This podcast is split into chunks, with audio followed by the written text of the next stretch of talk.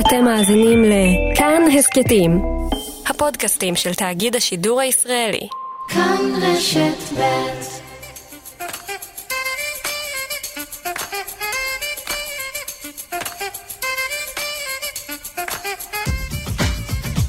שמונה ושש דקות, בוקר טוב. בוקר טוב. איזה בוקר של כיף. אתה נשמע לי מאוד רגוע. איזה כיף שהיה לי הבוקר, כן. כן, אמ, כן. הייתה פעם פרסומת, סליחה, על זה, שהפטריה שלה חזרה. ככה, זו התחושה הבוקר של אה, אזרחי ישראל. אבל אני רוצה לומר לך... היא מעולם לא הלכה, האמת. לא, היא איתנו כל הזמן. אה, שגם אתה אשם. מדוע? ב-17 בספטמבר, כן. הפתקים עוד לא יבשו. ואתה אמרת, זה הולך לבחירות שלישיות. נו. וזו נבואה שמגשימה את עצמה, ולכן גם אתה אשם. הלוואי שכל הנבואות שלי מגשימות את עצמן. לא, רק חלק. הנבואה הזו הגשימה את עצמה. קצת חבל. עוד מעט יהיה איתנו, אה, צריך להתרגל אה, למילים, אה, המועמד לראשות הליכוד, כן. גדעון סער, מתכונן להתמודדות בעוד שבועיים בדיוק. יום בוחר מעניין מאוד בליכוד, אולי הדבר הכי מעניין בבחירות אה, השלישיות. נכון, אם כי אה, תמיד צפויות הפתעות. את יושב ראש אה, ש"ס, השר אריה דרעי, נשאל מה סוד הקסם שבגללו נהו 54 חברי כנסת בבלוק הליכוד אחרי אה, רצונו של נתניהו בבחירות נוספות. אריה דרעי יהיה איתנו הבוקר. אהוד ברק, ראש הממשלה לשעבר, שלא יתמודד בבחירות הקרובות, לא במקום העשירי במחנה הדמוקרטי, מה צפוי בשמאל? האם הוא מצטער על מה שאמר על אה, היועץ המשפטי לממשלה? וכמובן, כמה מחמאות לבנימין נתניהו. כן. אה, בטוח שיהיו כאלה. יועצו האסטרטגי של בני גנץ, רונן צור, כחול לבן, על איזה קמפיין הם חושבים אחרי שני הקמפיינים האחרונים של המפלגה שקמה לפני אה, פחות משנה. ועוד שני עניינים. אחד, מרענן, בחירות במקום אחר, גם הוא לא ידע יותר מדי יציבות, זה בריטניה, ועוד אה, על סדרה מרתקת. בנטפליקס, אה, על איוונה היום, האם היה איוונה היום או לא, ג'וני ון דמיאניוק, נשוחח כאן עם השופטת דליה דורנר, שמשוכנעת עד היום שהוא היה צריך להתעלות. סדרה מאוד מעניינת, אכן, ו... אבל יש דברים חוץ מהפוליטיקה. וכמובן, אה, שיחה בהפתעה, ברבע לתשע. ואדם מן היישוב, היום אנחנו מדברים עם טינה מברצלונה. אנשים. שאינם אה, יהודים או ישראלים, אבל דוברי עברית ברחבי העולם. אם יש לכם כאלה שאתם מכירים ותרצו. לשתף אותנו, 054-666-9566, גם תגובות, 054-666-9566. עורכת התוכנית כמדי שבוע אילן ליאור, בהפקה נזר, נדב רוזנצוויג, אלה גנה ולי לאופר, והטכנאית אה, אלה נדיונוב. אנחנו מתחילים, דקל סגל. איתנו uh, המועמד לראשות הליכוד, חבר הכנסת גדעון סער, בוקר טוב.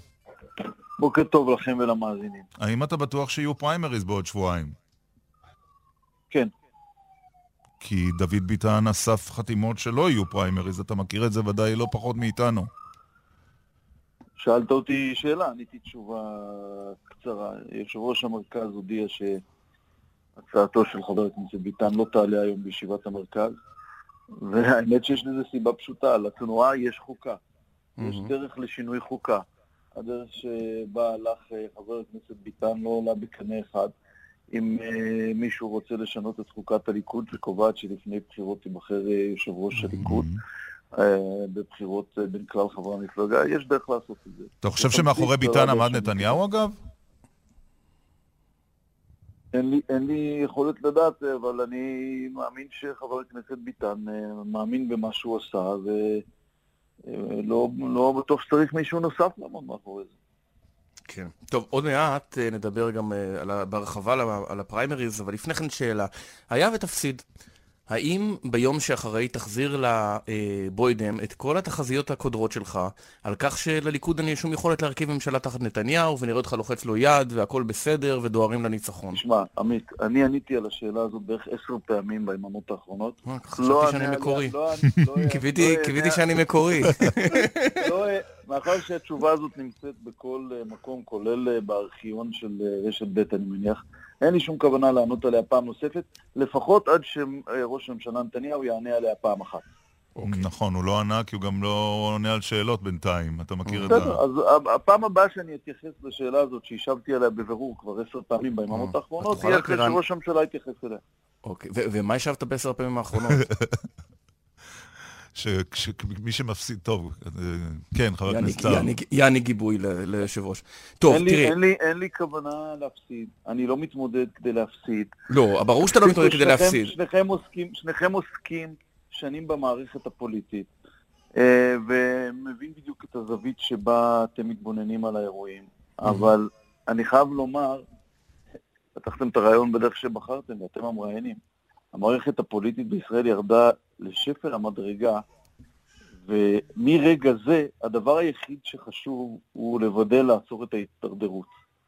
שתקום כאן ממשלה שתטפל בבעיות של האזרחים, שנאחד את העם הזה במקום כל פעם להרחיב את הקרעים בו עוד ועוד בכל קמפיין בחירות. השאלה מי יכול לעשות את זה. אוקיי, תראה, אתה אני, כל אני אחד... יכול לעשות את זה, אני יכול לעשות את זה, וראינו ואנחנו רואים, למרבה הצער, שראש הממשלה לא יכול לעשות את אוקיי, זה. י- יש לכן אבל... הקמפיין שלי הוא קמפיין, קמפיין של אין ברירה. ברור, יש, יש 120 חברי כנסת, כל אחד מהם נושא במידה שונה של אשמה. אבל השאלה אם גם אתה לא נושא אה, איכשהו ב- בנתח משמעותי. יכולת לארגן, יחד עם חברים אחרים בליכוד, אה, חתימות, 61 חתימות, ולמנוע את הבחירות האלה. אין שום אפשרות אמיתית לעשות את זה במשטר שבו אתה נשלח על ידי תנועה פוליטית, ואחר כך אה, מוסר את המנדטים בדרך אה, שאתה מחליט עליה באופן אה, עצמאי. זה לא דבר אמיתי.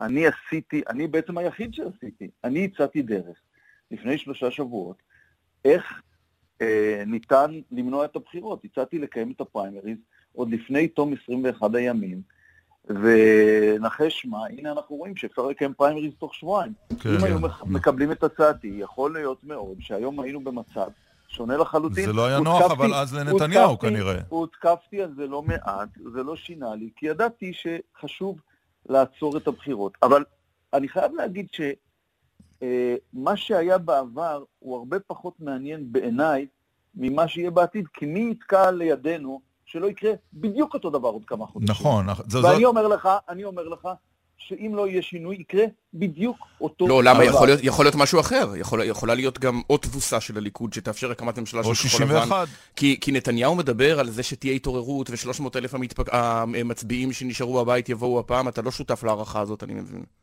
ההערכה הזאת, אה, אם זאת הערכה, היא לא מבוססת על, אפילו או לא על מחקר דעת קהל אחד מתוך מאות שפורסמו בחצי שנה האחרונה במדינת ישראל, ולא על הדינמיקה הציבורית שקיימת היום.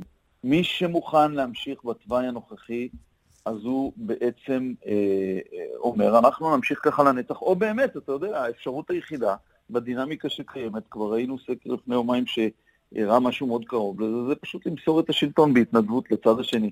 מי שמעדיף לעצור על פי תהום, יתמוך בי. אז מה ההסבר, חבר הכנסת סער, שלך, כבכיר בליכוד, כמי שמתמודד עכשיו על ראשות המפלגה, לעובדה שכולם בבלוק נהו אחרי נתניהו, שיום או יומיים אחרי הבחירות דיבר על בחירות שלישיות, איש לא מחה, לא פקפק, לא ערער, אף אחד חוץ ממך כמובן. לא אמר את הדברים שאתה אומר, גם לא אני ממפלגות, לא חושב- ממפלגות אני לא אחרות. חושב, אני לא חושב שאני היחיד שאומר זאת. פומבית. גם במפלגתי, בליכוד, יש עוד חברים שאומרים זאת, ויש יש חברים שאומרים זאת בגלוי, בפומבי, ויש חברים שאומרים זאת לא בגלוי. אבל אני מתקשה למצוא, למען האמת, רבים שלא חושבים כך.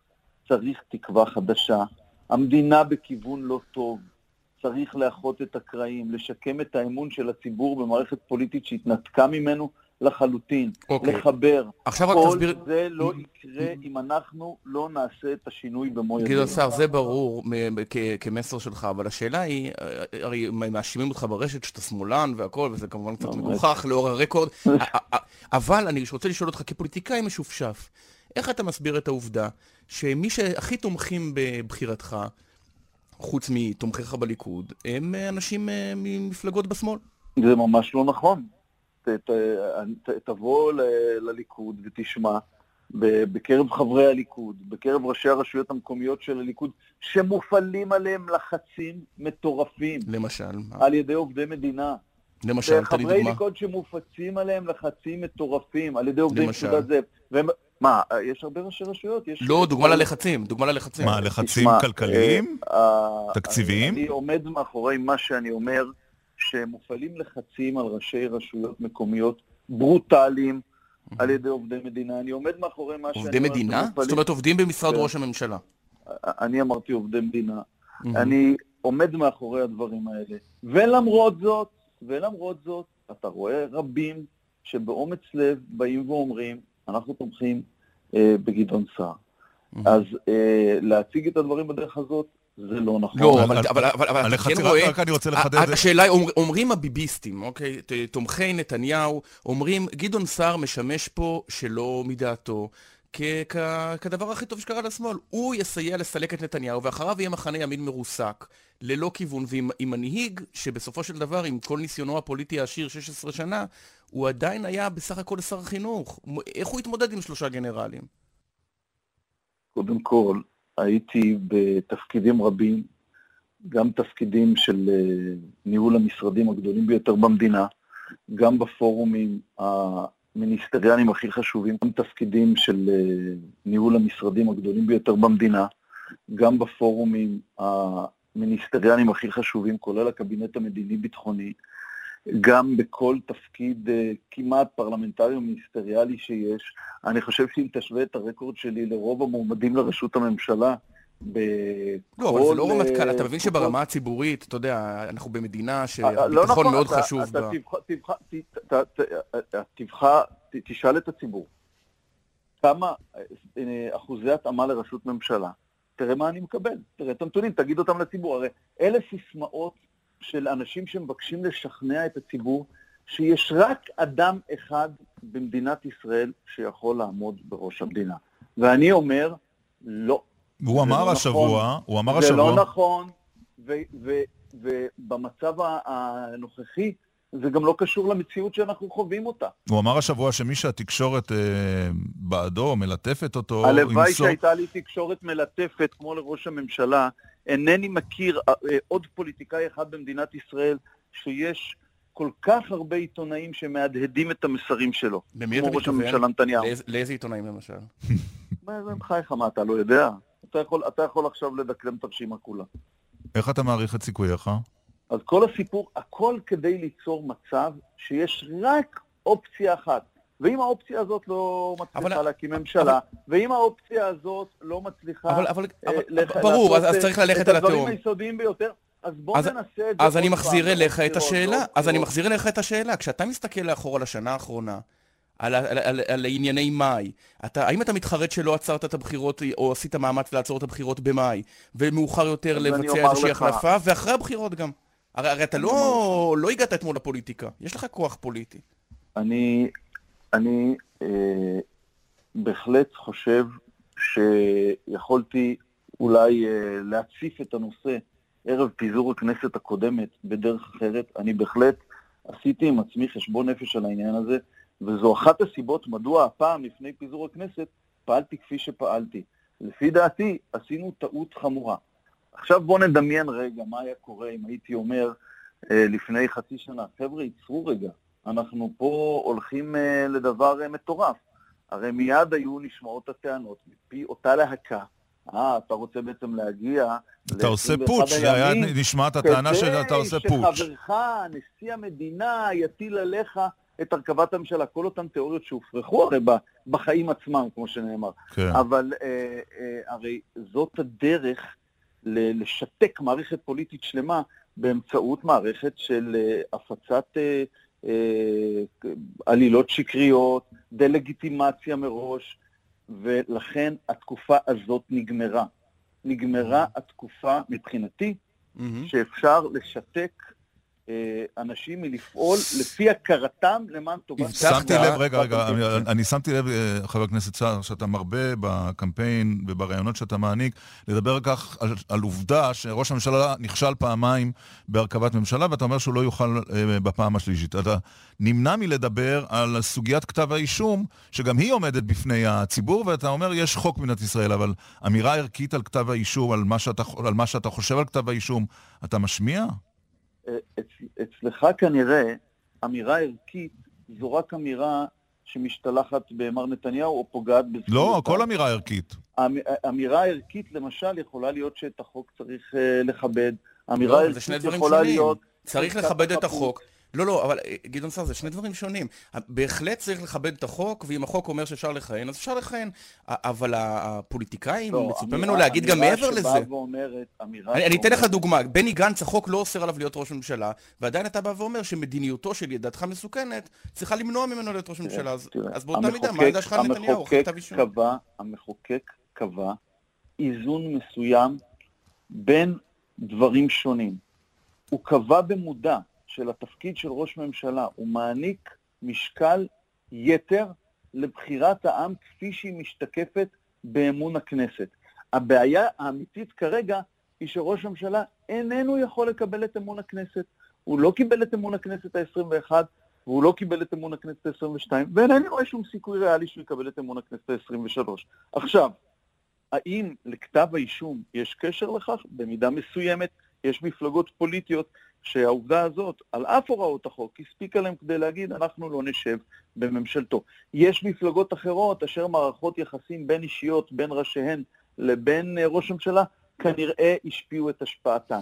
הדבר המצטבר הוא שראש הממשלה נתניהו, עם כל יכולותיו הבאמת מרשימות וזכויותיו הבאמת גדולות, הוא חסום השאלה אם החסימה הזאת צריכה להיות חסימה גם למחנה הלאומי ולליכוד ולימין, שיש לו רוב גם בכנסת וגם בעם, והוא אמור לוותר על זה אתה... אה, בהתנדבות, אתה... ואולי גם לגרום לכך שעמדות כן. שהן לא עמדות רוב הציבור, הן בתוקף הנסיבות הללו יובילו את הצד השני לשלטון. אתה אמרת, אה, אה, כשהודעת שאתה מתמודד, ובמהלך הימים האחרונים, שעם קביעת מועד הפריימריז בליכוד, אה, יהיו עוד חברי כנסת שיכריזו על תמיכה במועמדותך, מלבד אה, חברי הכנסת שיר ויואב קיש.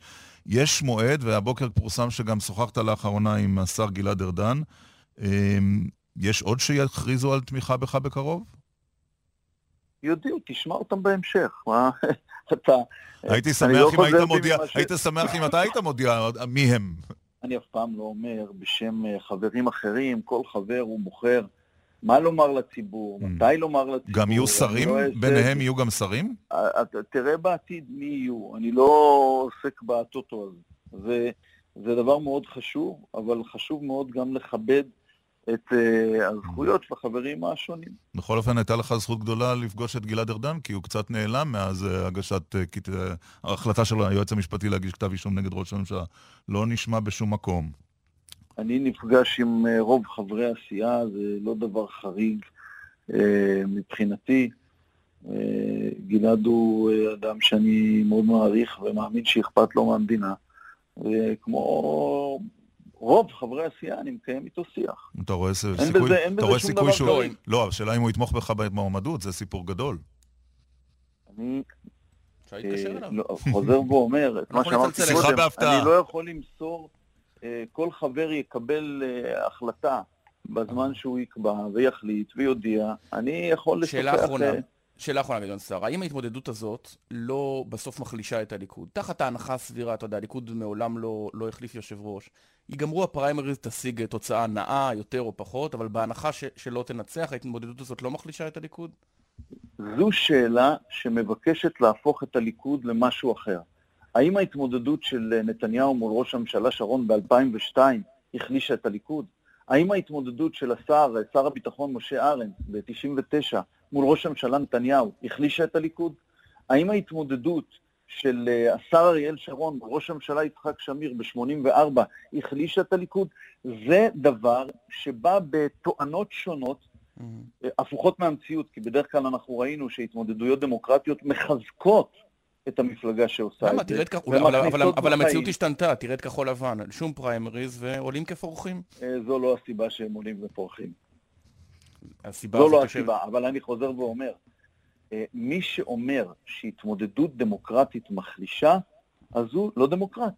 חבר הכנסת... וזה, וזה יש שינוי אופי של אה, תנועה כמו הליכוד, אני לא מאמין שדבר כזה יכול לקרות. חבר הכנסת גדעון סער, אה, נמשיך לעקוב בעניין אחרי ההתמודדות הזאת. תודה רבה ששוחחת איתנו בבוקר. תודה רבה ויום טוב. יום טוב.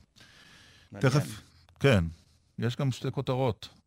העיתונות לנתניהו, אין, אין עוד פוליטיקאים עם עיתונות מלטפת כמו נתניהו, ומפעלים לחצים ברוטליים מכיוון עובדי מדינה, דהיינו עובדים אה, של נתניהו, כן, על ראשי רשויות שתומכים בו. טוב. שלום לראש הממשלה לשעבר אהוד ברק.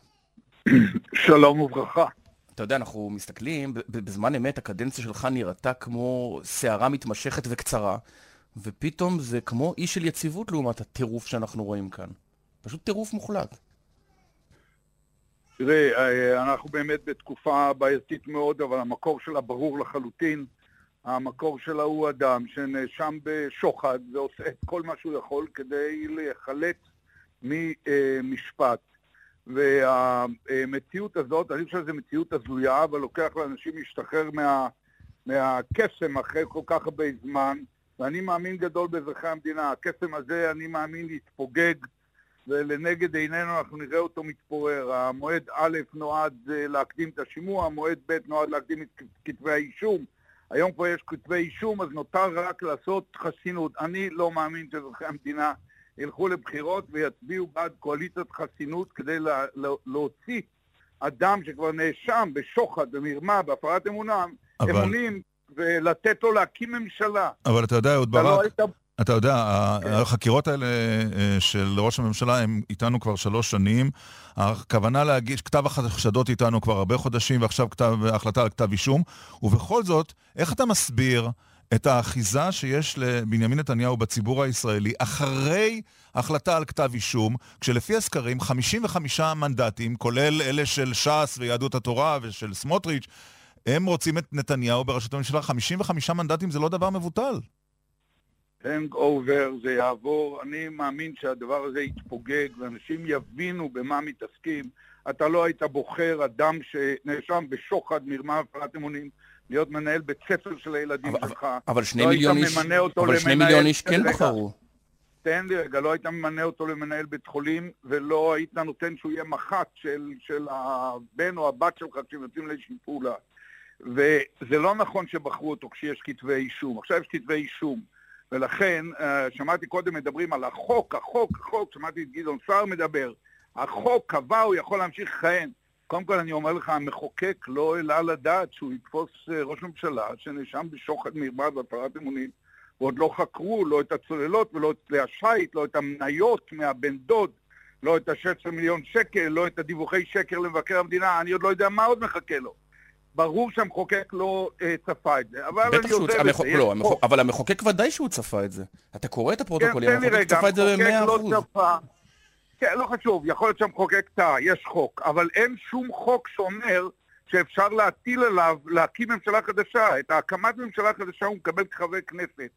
מהמקום הזה כמובן שהיה צריך להתערב היועץ המשפטי של הכנסת, היועץ המשפטי של בית הנשיא, וכמובן במנדלבליט, אה, אה, להתערב ולקבוע במפורש שאין טעם לריב, הליכוד היה צריך להחליף את נתניהו. אבל, אבל אולי... פשוט.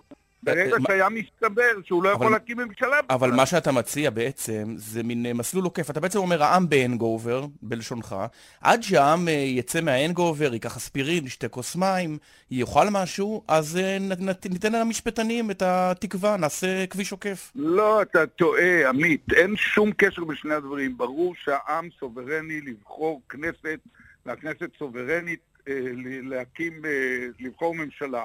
אבל יש אנשים שהם לא כשירים. אני אקח את הדוגמה לאבסורד, כמובן זה, זה מרחיק אותנו מהדוגמה הזאת, אבל זה מבהיר את העניין. Mm-hmm. הרי ברור שאדם שהיה נאשם בבית משפט, עומד לעמוד במשפט, החליטו שהוא כבר נאשם ברצח, לא, היה, לא היית נכון. נותן ולא היית מעלה על הדעת. זה לא עניין... זה, אבל העם היה זורק אותו הביתה, העם היה זורק אותו הביתה. רגע, סליחה, סליחה. העם לא יכול, כרגע החוק מאפשר לראש ממשלה להמשיך לכהן.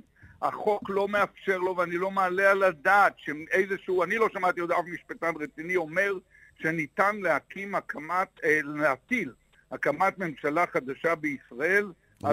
כלומר, אתה, אתה מצפה אבל... שהיועץ המשפטי לממשלה יפסוק בעניין הזה בהקדם, שאי אפשר להטיל על מר נתניהו? זה מה שאתה אומר? אני בהחלט, אני בהחלט אמרתי שאני מצפה שהיועץ המשפטי לכנסת, היועץ המשפטי לממשלה וגם היועץ המשפטי של בית הנשיא יאמרו את זה בבירור.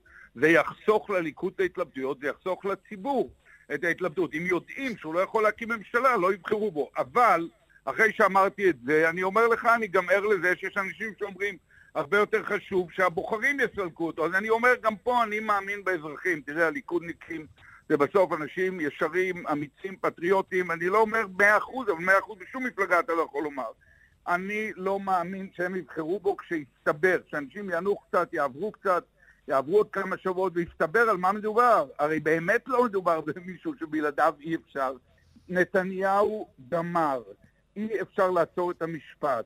אני לא מאמין שיהיה, אה, שהוא יקבל, אה, שיצביעו בעדו אנשים לחסינות. אני גם חושב שאם היועץ המשפטי היה מבצע את תפקידו ומורה על פתיחת חקירה בעניין הבן דוד, בעניין דיווחי השקר למבקר המדינה, בעניין המניות, חקירות אגב שעוד שנה מתיישנות, אם היועץ המשפטי היה פותח בחקירה כמו שהחוק טוב. מחייב אותו, כפי יש לפניו... אבל אין לך הרבה אמון באביחי מנדלבליט. סליחה, אני אומר שאילו הוא היה פותח בחקירה פלילית נוספת, אז ברור שלציבור היה ברור שאין מה להתעסק עם תגיד, נתניהו ואולי... יכול להיות, ואולי אתה, יש לך גם אחריות על המצב שבו יש חוסר אמון ממוסדות אכיפת החוק, כי הציבור, כמו שאמרת, הוא לא מטומטם. הוא ראה אותך ואחרים משתלחים במילים הכי בוטות ובעייתיות ביועץ המשפטי, קונסיליירי, היועץ המשפחתי, והם אומרים, וואלה, אז ברק באמת הכל שם פוליטיקה. ברק צודק. צודק. תראה, אה, היועץ המשפטי, יש לי באמת הבחנות מאוד קשות על התנהגותו. אחרי השוחד, אתה לא- אתה לא רוצה להתנצל? סליחה. אתה לא רוצה להתנצל? סליחה, סליחה. אני שואל, לא, להתנצל? אני- אני אין? ב- לא מתנצל במילה? סליחה, לא מתנצל בשום דבר. אני שיבחתי את היועץ המשפטי על ההחלטה שהוא קיבל, אני חושב שקיבל החלטה אמיצה.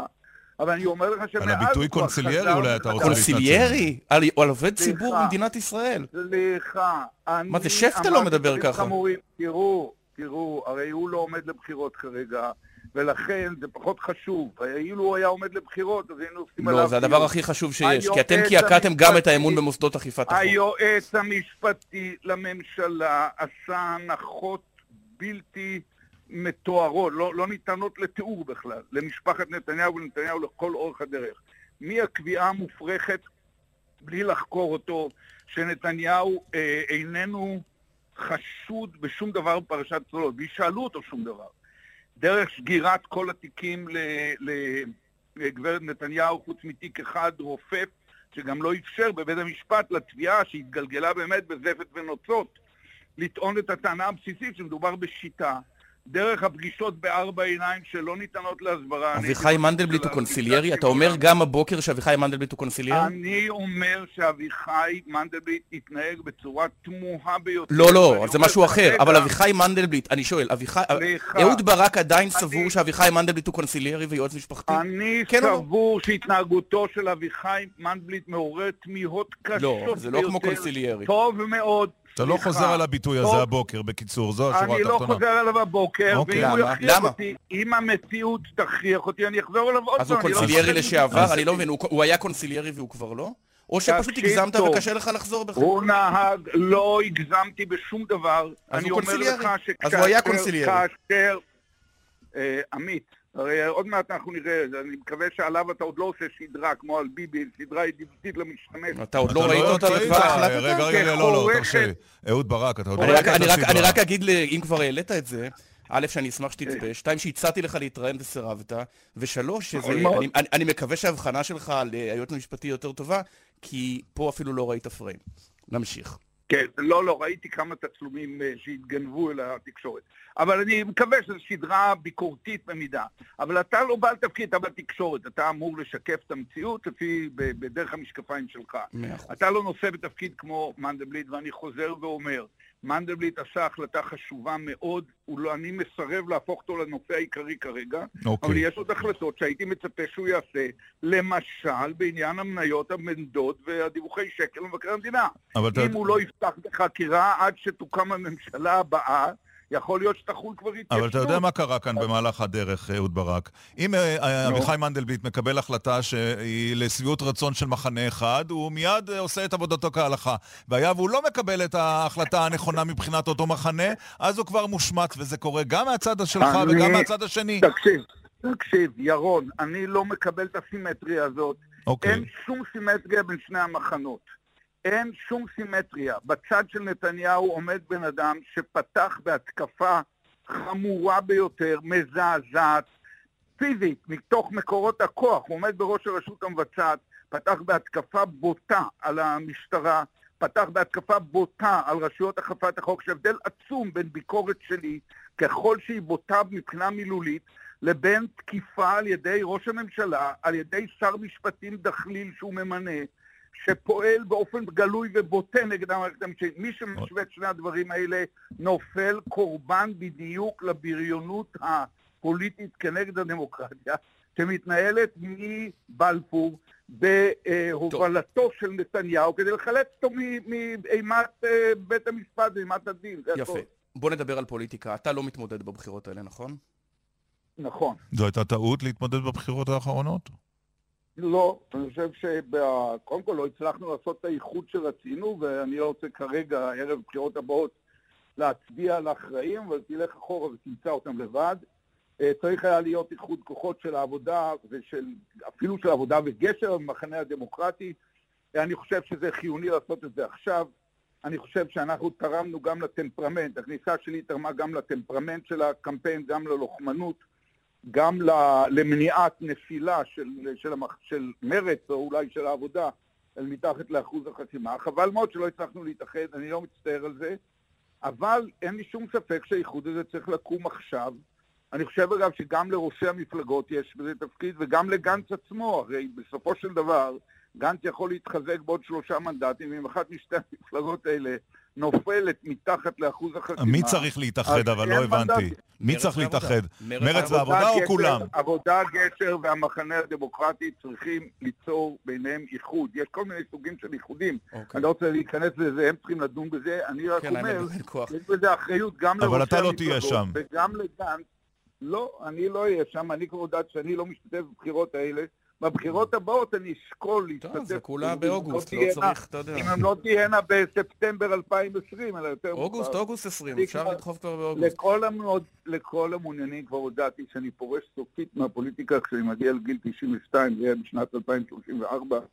ואני אחרי זה לא מתמודד בשום בחירות. לא, אבל בכל זאת אתה חשבת, אתה לא חשבת שכשהאיחוד הזה נוצר עם מרץ, עם, עם, נוצר המחנה הדמוקרטי איתך, עם יאיר גולן, אה, חברת הכנסת אה, סתיו שפיר, שזה ייגמר בחמישה מנדטים. זו לא הייתה התקווה. אני חשבתי שמה שצריך לעשות הוא לאחד את כל המחנה הזה, גם את העבודה, גם את אה, מרץ, גם להביא את אורלי, אני חשבתי אפילו להביא את ציפי לבני ואולי עוד אנשים. וזה בהחלט היה יכול לעזור כדי אה, לנצח בבחירות. ולצערי לא קרה, וצריך לעשות את זה עכשיו. לבני עדיין פנויה. כן, בהחלט, אני חושב שהיא בהחלט אה, תצטרך לשקול, כמו שהיא בחנה את זה הפעם, תצטרך לבחון אותם פעם הבאה. שאלה אחרונה, אבל תראה... בסך הכל אני מאחל כן. לגנץ, בסופו של דבר גנץ התייצב, אפשר לומר, בניגוד להערכות או ציפיות של רבים, הוא גם התייצב בפעם הראשונה מעבר להישג שרוב האנשים האמינו, ו... וגם בפעם השנייה. ואני חושב שאם המגמה הזאת תימשך, אז בפעם השלישית הוא בהחלט יכול להביא אה, מצב שיש 61 תומכים, ובאופן שהוא לא תלוי אפילו בליברמן, שזה mm. מין אה, משענת קנה רצוץ, למרות שהפעם הוא הוכיח התעקשות לא לתת לביבי אה, אה, להקים ממשלה. אז uh, אני חושב שאפשר להגיע, אפשר וצריך להגיע לניצחון. יש יתרון מסוים uh, לכך שהבוחרים יזרקו את uh, נתניהו מהשלטון ויאמרו לליכוד עד כאן, uh, תחליפו את המוביל זו שלכם. זו דרכו של עולם, ככה זה קורה בדרך כלל. ולא תייפה את זה הרשות המשפטית. כן. זה תמיד. ואז תהיה ממשלה של הליכוד וכחול לבן לשיטתך, אחרי נתניהו. אני לא יודע אם תהיה, תהיה הממשלה שתקום.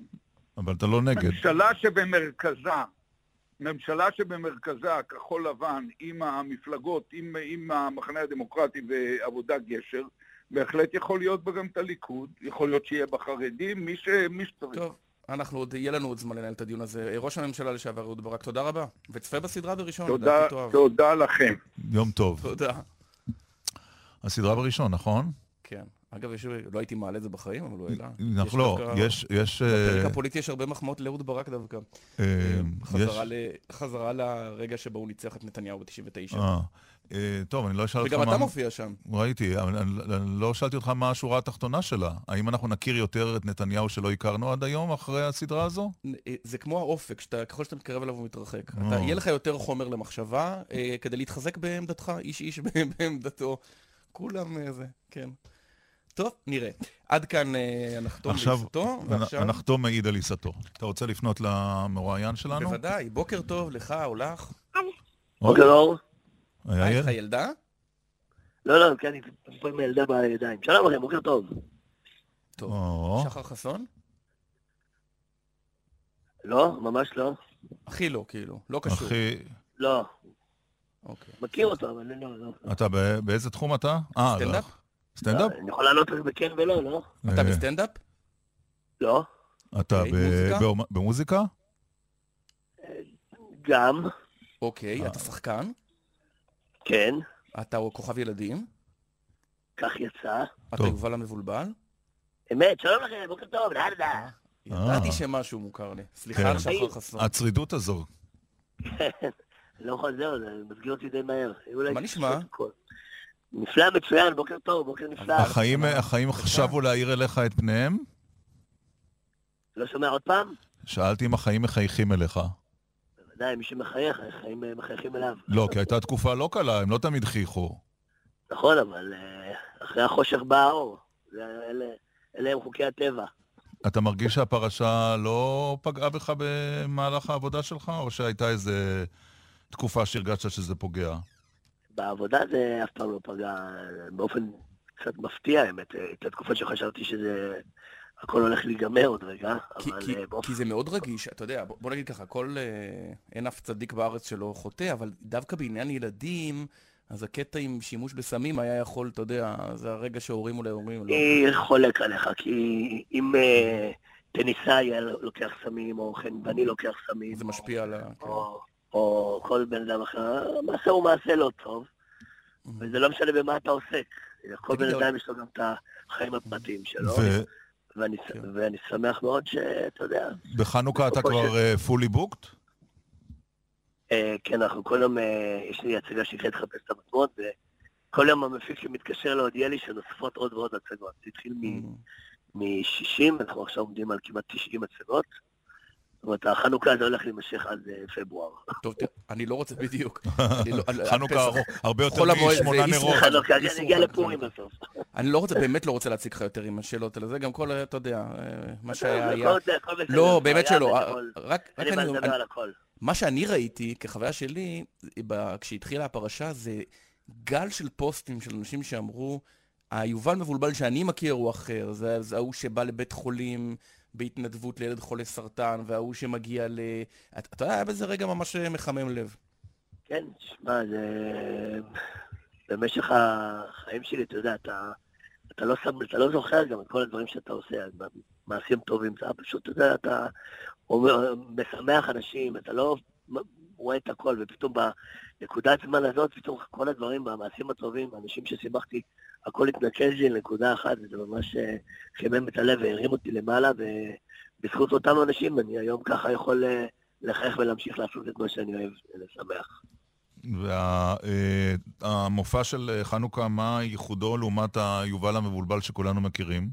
המופע של חנוכה הוא נקרא חפש את המטמון. הוא באמת מדבר על זה, שהוא קשור קצת גם באופן נסתר לתקופה שעברתי, שאתה מחפש את כל החיים שאתה מחפש, מה, איך להיות מאושר, ואתה מבין שבסופו של דבר ה- האושר האמיתי זה לא אה, לרדוף אחרי אה, כסף או תהילה או, או הצלחה, אלא בסופו של דבר, אה, בסיפור אנחנו מגיעים אל המטמון ואנחנו מחליטים אה, לתרום אותו לבית הספר, אנחנו מצילים את בית הספר, יש בית ספר לגיבורים, ואנחנו בסוף מצילים את בית הספר, וזה מדבר על נתינה.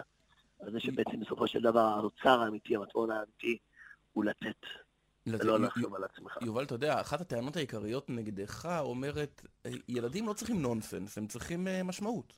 ורוב השירים, אתה יודע, לא, לא עקבתי אחר הכל, אבל הם אה, בעצם הרבה מילים מצחיקות בקצב מהיר, אבל הם לא... אז בדיוק כמו שאמרת. לא עקבת, תתחיל לעקוב, תשמע אוקיי. משהו אחר. כן, אוקיי. באמת, לא, אני רוצה- אומר לך באמת. תראה, קודם כל אני, אני, אני, אני גם אומר את זה בגאווה, לא בבושה שהשירים שלי מצחיקים. זה דבר נפלא ומבורך. אה, דרך הצחוק והשטויות, שמה שהרבה אנשים רואים על פני השטח, אה, זה כאילו, שוב, זו המעטפת, אבל אם תקשיב באמת לשירים, ת- תגלה גם את העומק שבפנים. מצד שני, תרבות הפסטיגלים של, חנו, של חג החנו, החנוכה, זה לא איזו הצגות עם משמעות. אתה מכיר את הפסטיגלים. תראה, אה, בפסטיגלים שאני... אדם מחפש משמעות, לא ילך לשם דווקא, זה בידור אה, נטו. שזה גם בסדר, אתה יודע, נכון. אנשים, אה, לא הולכים לבית ספר ולא הולכים, הם הולכים לפסטיגל, בוא, אתה יודע, אנשים רוצים אה, לבלות, וגם כשאתה הולך למופע סטנדאפ, או ל... אתה לא הולך עכשיו לקבל משמעות לחיים. זה דבר שחשוב לגוף ולנפש גם לצחוק ו- ו- וליהנות ולחייך ו- ולקבל קצת מוזיקה נעימה שמרימה את הגוף והנפש. אז שום דבר פה לא פסול.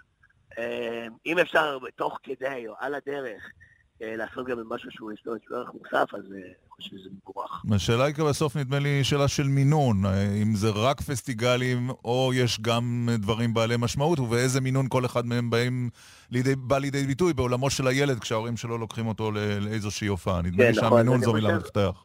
נכון, ואני גם חושב שבאמת עכשיו אנחנו כבר... אמ, הייתה את יריית הפתיחה, זאת אומרת, הפסטיגל כבר עלה, המופע שלנו עלה, אה, התשובות חנוכה כבר עלו, ואפשר באמת, אני חושב שהדבר הכי נכון, זה להסתכל על פוסטים שאנשים מפרסמים, כי אין דבר יותר נכון מבן אדם שהיה במופע ומספר עליו. וככה, אתה יודע, ככה זה... אה, אפשר לדעת מה... מה, מה נכון יותר, מה טוב יותר, ומה, ומה לאן ללכת. וזה, תבררו אנשים. יפה. יובל המבולבל, שיהיה לכם חג שמח. שיהיה לך חג. שמח. שלנו יותר פנוי. הנה השיר שמתוך המופע אנחנו נקנח איתו. תודה רבה לך. תודה. חפש את הבאה עם. אריה דרעי בפתיחת השעה הבאה. כן, יש כאן גם כמה תגובות על אהוד ברק. נקרא אותם אה, בתחילת השעה? מתי נקרא אותם? מתי שנוח לך. אולי תגובה אחת עכשיו. קדימה. אה, השנאה והנקמנות של ברק לנתניהו מעבירה אותו על דעתו, כתב אה, איציק. ועוד מאזין אמר, אה, ציינת את רות גביזון כמי שחושבת שנתניהו יכול להמשיך, הוא מציין, יש עוד משפטן, ידידיה שטרן, וגם הוא לא בין אוהדיו של נתניהו. עוד תגובות, 054-666-9566, יובל המבולבל ברקע, אנחנו חוזרים עם אריה דרעי מיד אחרי החדשות, כאן ברשת ב'.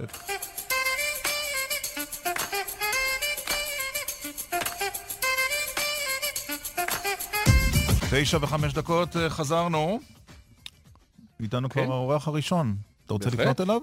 בוקר טוב לאורח הראשון. בוקר טוב לאורח הראשון לך בשעה אורח? השנייה. מה נשמע, חברי השר דרעי? למה ירון דקל צחק? אה, לא, לא, לילה- קצר מדי. כן, אין-. לייחס לצחוק הזה שום משמעות, השר דרעי. לצחוק הזה לא. בוא נראה בסוף הרעיון. כמובן, תמיד אנחנו כן. בסוף הרעיון מתעניינים אה, בדיוק. איך אמר שרון לפרשנים? איתכם צוחקים ברביעי ובוכים בשישי כשפותחים את. העיתון. טוב, אריה דרעי, תסביר לנו משהו. לברנע ושיפר הוא אמר את זה. כפרשן מהצד, איך אתה מסביר את העובדה שמפלגות, המפלגות החרדיות, וגם מפלגות הימין, שחטפו מנתניהו הרבה לאורך השנים, הולכות אחריו באש ובמים אה, לבחירות השלישיות? יש לנו קצת זמן? בטח. אוקיי. אז בואו, ברשותכם, השתדלתי לא להתראיין הרבה בכל התקופה הזאת. אה, אנחנו, לצערי הרב, אני אומר את זה באמת לצערי הרב, אה, אחרי מה שאתמול בלילה הכנסת פיזרה את עצמה, אחרי השנה הזו, אה, אין לנו מה להתגאות הרבה. אני אומר על עצמנו, לא בגלל-. בגלל זה לא באת להצבעה?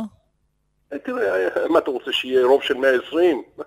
כל פחות שבהיסטוריה יירשם שרק 92 הצביעו, 93 הצביעו. בשביל מה הייתי צריך לבוא לשם? היה רוב, היה מוחלט, אני לא רואה בזה גאווה גדולה או איזשהו צורך גדול להיות שם. היה בהסכמה פה אחד, הכל עבר פה אחד, אה, הכל הגיעו להסכמה. פתאום, אתם יודעים, ח- חודשים אי אפשר היה לדבר אחד עם השני, עכשיו אתמול הכל. בהסכמה, מימון, הגדלת ה- מההוצאות, ש- הכל אפשר להגיע. כשרוצים אפשר.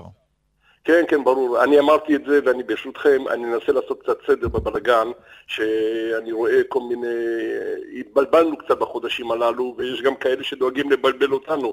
אז אני רוצה לומר בצורה הברורה ביותר, והיום, ואני מוכן לעמוד מאחורי כל מילה שאני אומר, להוכיח אותה בהוכחות ברורות, שגם יהיו קבילות בבית המשפט. כן. רבותיי, יש שני אשמים אה, לכל המערכה הזאת, שמה שקרה לנו, לצערי הרב, בשנה האחרונה.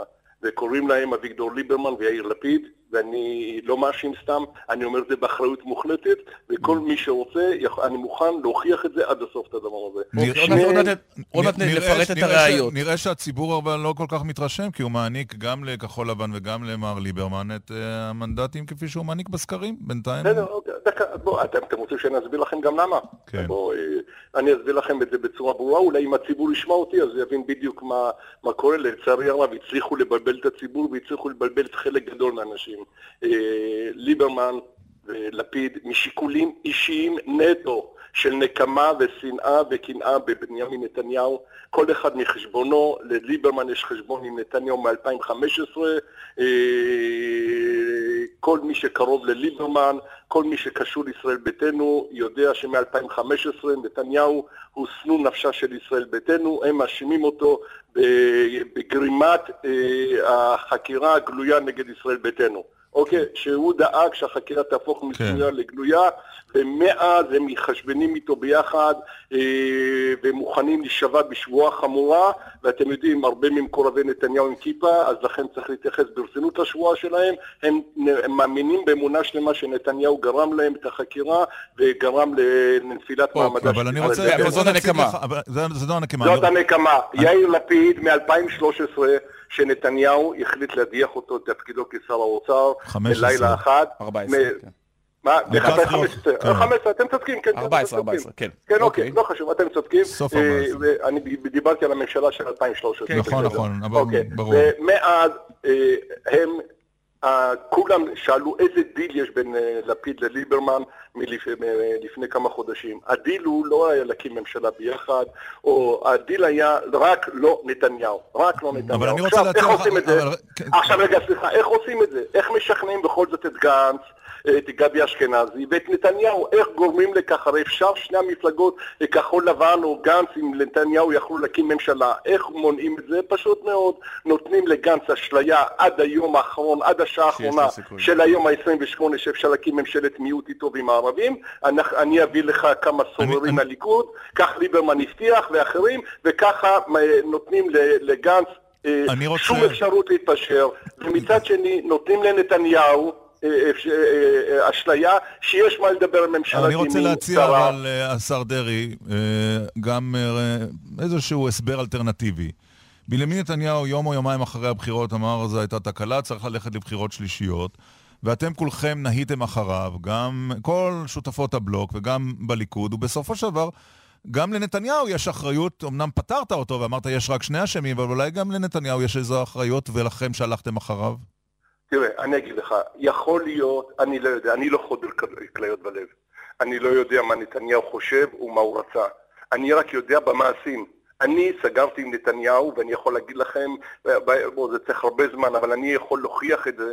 נתניהו נתן לי את כל המנדט לגמור עם גנץ על השישה חודשים ועל החוק הנבצרות. נתניהו לא יכול לשלוח אותי... אבל איפה כתוב שהוא צריך להיות ראשון? אתה קיבלת את זה כתורה מסיני.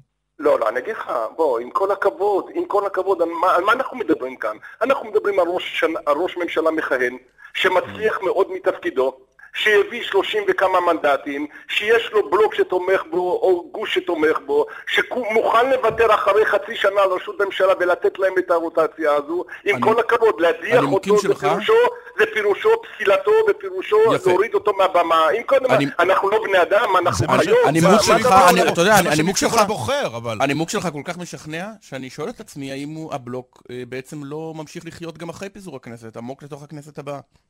או שמבחינתך לא הבלוק הוא חד כהונתי. בוא, בוא, בוא נתאושש קודם כל, סליחה, אני לא רוצה לדבר על ה... לא, אבל זה אחד הדברים הכי חשובים שיש. בסדר, אני מבין, יהיה לנו עוד הזדמנויות להתראיין. אתה לא בטוח, אתה לא, בדיוק, לא, אתה לא בטוח שהבלוק ממשיך. גפני אתמול אמר שכן, ראש מפלגה אחרת צוטט בישראל היום אה, בעילום שם שלו, מה העמדה שלך? סליחה, אני חושב, אני לא, אני בשנה האחרונה הוכחתי לכולם, והייתי יציב עד הסוף, ממוקד. במטרה, אה, עם כל הכבוד, אה, אה, לשמור על נתניהו, לא בגלל אישית נתניהו, אלא ללכת עם נתניהו ועם הליכוד. לא זגזגתי ימינה ושמאלה, אני חשבתי שנתניהו הוא ראש הממשלה שמדינת ישראל זקוקה לו בעת ההיא עם כל הניסיון שלו. אבל זו לא הייתה השאלה, השאלה אם זה ממשיך. בוא נראה את התוצאות. ברור שאנחנו נמשיך לתמוך בנתניהו, ואנחנו נמשיך להיות איתו ביחד, ואני מקווה שהפעם אנחנו נביא תוצאה. ואם הוא יצליח בפעם השלישית, אז יהיה בחירות רביעיות. תקשיב מה אומר גדעון סער, הוא משמיע טיעונים שיש בהם היגיון, הוא אומר, תראו, אה, זו טיפשות לחזור בפעם השלישית ולקוות לתוצאה שונה מבשתיים הקודמות. גוש הימין במגמת התכווצות. מה יום מיומיים? ואתם תמשיכו ללכת? אגב, מה רב גדעון סער? לא- הוא לא מספיק ימני? רגע, דקה, דקה. אני אסביר לכם דקה. קודם כל, כן. בואו נבין. אה, לכל הגוש של הימין, דתיים, חרדים, מבחינת מספר הקולות, יש למעלה מ-61 מנדטים. לצערי הרב, אה, אה, מאבקים פנימיים אישיים של אגו ושל ההרפתקאות גרמו לכך שלא עברנו את ה-61. אם זה באפריל, עם כל מה שקרה בציבור הדתי הלאומי, ההתפרקות של הבית היהודי שגרמה לכך שלא היה לנו 61, ואם זה בבחירות האחרונות, עוד הפעם עם איתמר בן גביר, ועם עוד הפעם עם זה, שלצערי הרב לא, לא השכלנו מספיק. אני מקווה שהפעם... אני, דקה, אני מקווה שהפעם ישכילו כן בציבור הדתי הלאומי לעשות סדר וירוצו בשני ראשים. ואם לא, ונתניהו ירצה בחירות רביעיות, נלך אחריו לבחירות רביעיות, כמו שהלכנו לשניות, לשלישיות, ככה זה עובד, נכון? זו השורה התחתונה? לא? לא, לא, לא. אני מאוד מצטער, ירון, אולי בגלל זה צחקת בהתחלה, אבל בוא, עם כל הכבוד, כן. אני אומר לכם מראש, אתם פשוט חוטאים אל האמת, כיוון שלעולם אי אפשר יהיה לרפות את, המחלה אם אנחנו לא מזהים אותה, אם אין דיאגנוזה נכונה. התרופות שאתם נותנים הן לא תרופות נכונות. המחלה האמיתית, סליחה שאני אומר, כן, היא עוד הפעם הנקמה והשנאה, רק לא ביבי. מאה אחוז, לא- קיבלנו. אם אנחנו לא נדע לזהות את המחלה הזאת, אריה מצוין. זאת הדיאגנוזה, אבל מה הפרוגנוזה שלך? אתה הרי לא תוכל לשנות את ליברמן ולפיד. אני רוצה לפנות, לא, אני רוצה שהציבור ידע את האמת. שמי שעמד, מה עושים, שמי שעמד מעל כל הדוכנים בחודש האחרון והסביר כמה הוא פועל למען ממשלת הציבור, הציבור לא כל כך שוכנע, אבל זו הבעיה, היינו, היינו בשתי מערכות בחירות וזה לא הצליח. מניין לך שזה יצליח בפעם השלישית? כיוון שבכל מערכת בחירות כזו הייתה ניסיון להטעות את הציבור, אני ימין, אני שמאל, אני מרכז, אני דואג לטובת העם. עכשיו כל אחד יודע בדיוק מה קרה כאן במערכת הבחירות השלישית. המערכת הבחירות השלישית הזו, כמה שהיא הייתה מיותרת, אבל לצערי הרב, היא, היא, היא, היא, היא עכשיו היא קולעת גבול, כל אחד ואחד מהאינטרס שלו. שהציבור ידע בדיוק מה האינטרסים של לפיד ושל ליברמן, והם ישכילו להבין כל מצביעי הימין שחשבו ואפשר לתמוך בליברמן או באחרים או בכחול לבן, ידעו קודם כל איפה הם נמצאים. אם הם רוצים להעביר את השלטון לממשלת שמאל עם אה, רשימה משותפת ועם ליברמן, אז שיצביעו שם. אבל אם הם חושבים עדיין שהימין צריך להיות בשלטון או שהוא להיות שותף בשלטון, אז הם צריכים להבין שהם צריכים להצביע לגוש הימין, לא משנה לאיזה מפלגה. זאת האמת שאנחנו צריכים הפעם לברר. מה יקרה אחרי הבחירות אם גוש הימין הזה לא יצליח להביא 61? כן. אני, אני לא יודע כן. לתת לך תשובה. אני לא, אני לא יכול לתת תשובה, אני לא נביא ואני לא ברוח הקודש. אני לא, לא יודע. אבל אתה מביא, אבל אנחנו נלך עם גנץ. אם עוד הפעם גנץ, אם עוד הפעם גנץ, וגבי אשכנזי, שאני יודע בדיוק מה הוא חושב בשבועיים שלושה האחרונים, והוא סוף סוף הוא הבין בדיוק מה האינטרסים של ליברמן ושל לפיד, אני מקווה שגם הם יתעשתו וגם הם יבינו שמספיק ללכת שבי, יש גם מדינה. אבל... איך אמר לי אחד כן. מהרמטכ"לים הללו, אנחנו כל החיים שלנו שמו את הגוף שלנו לפני המדינה, ועכשיו לצערי הרב אנחנו שמים את המדינה לפני הגוף שלנו. אם לסכם את השיחה שלנו, תגיד לי אם אתה טועה, המסקנה שלי היא שכל עוד נתניהו יחפוץ בכך, אנחנו איתו באש ובמים. זה לא, לא, אה, אה, זה, סליחה שאני אומר, סליחה שאני אומר, אה, ירון, באמת זה סיכום כן. שטחי. ציני ולא אמיתי. מה זה כל מה שנתניהו? זה בדיוק מה שהרגשתי ששמעתי את זה. גם אתה? זה פגע בי. זה כאב לי, ירון. די, תחזור. שטחי, ציני ולא רציני? נכון. לא אתה. לא, אנחנו עכשיו בקטע... ירון, אתה יודע מה אני חושב עליך? לא, לא, לא. אנחנו קצת נעלבים. לא, לא, אל תיעלבו. אני אומר, אל תיעלבו. אה, זה, סליחה שאני אומר, זה סיכום לא נכון של כל מה שקרה בחודשים. אוקיי. האחרונים. זה סיכון לא נכון. אין פה עניין של איזושהי ברית אישית טוב. או חברית או אינטרסה. כ- אני, טוב. עם כל הכבוד, לא קיבלנו. פועל כאן מתוך אהבה או מתוך איזושהי ידידות. אני פועל כאן כיוון שאני רואה מה שהציבור רוצה ואני יודע גם מה טובת מדינת ישראל. אני משהו. יושב בקבינט ואני יושב ואני יודע מה, מה המשימות והאתגרים שמדינת ישראל צריכה להתמודד איתם.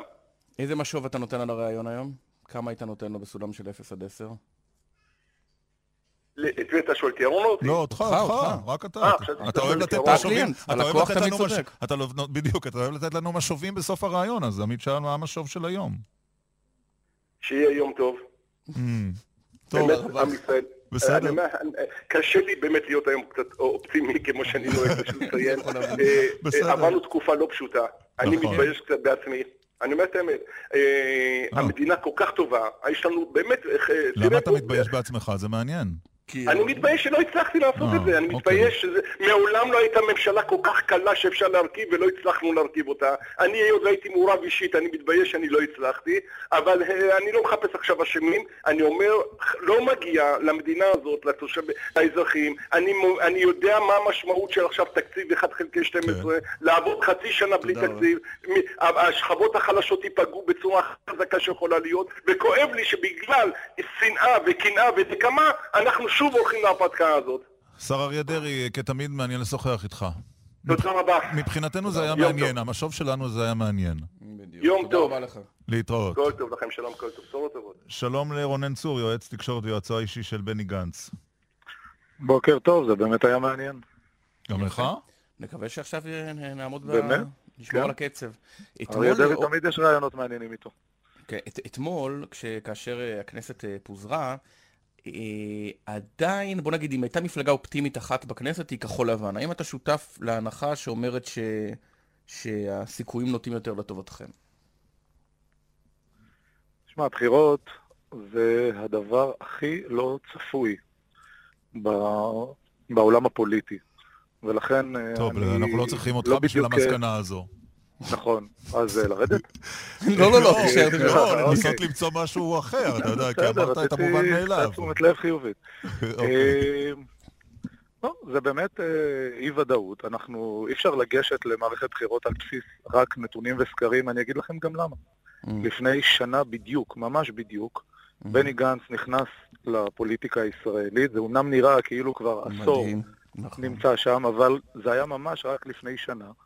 והסקרים הראו, אני יודע, 12 מנדטים, 11 16, מנדטים, כן, כן. פה ושם. מי דמיין, מי חלם שאנחנו כעבור שנה בלבד נגיע למערכת בחירות שלישית, כשבני גנץ עם אה, כחול לבן, בבחירות הקודמות... בסקרים של 36-37 מנדטים. בבחירות הקודמות הלכתם על אה, נתניהו, דואג רק לנתניהו, ולא הרביתם לדבר על כתב החשדות שכבר היה מונח לפני הבוחר הישראלי, כדי לא ללכד, אה, אני מניח, את אה, אנשי הליכוד ואחרים סביב נתניהו. עכשיו מדובר בכתב אישום שהיועץ החליט להגיש. גם עכשיו אתם תימנעו מלגעת בזה, או שזה יהיה הנושא של הקמפיין? קודם כל, נושא הקמפיין אה, עוד לא נקבע, וגם מתווה הקמפיין עוד לא נקבע. אני מניח שבימים הקרובים ישבו אנשים חכמים. אין הרבה זמן, אתה יודע, במטה. 80 יום. נכון. לא, אין הרבה. זמן, אבל אם רוצים להכין בחירות בצורה טובה... עמית תמיד אומר שבסוף מה שקובע זה שלושת השבועות האחרונים, או עשרת הימים האחרונים. שלושת הימים האחרונים. כן. אוקיי.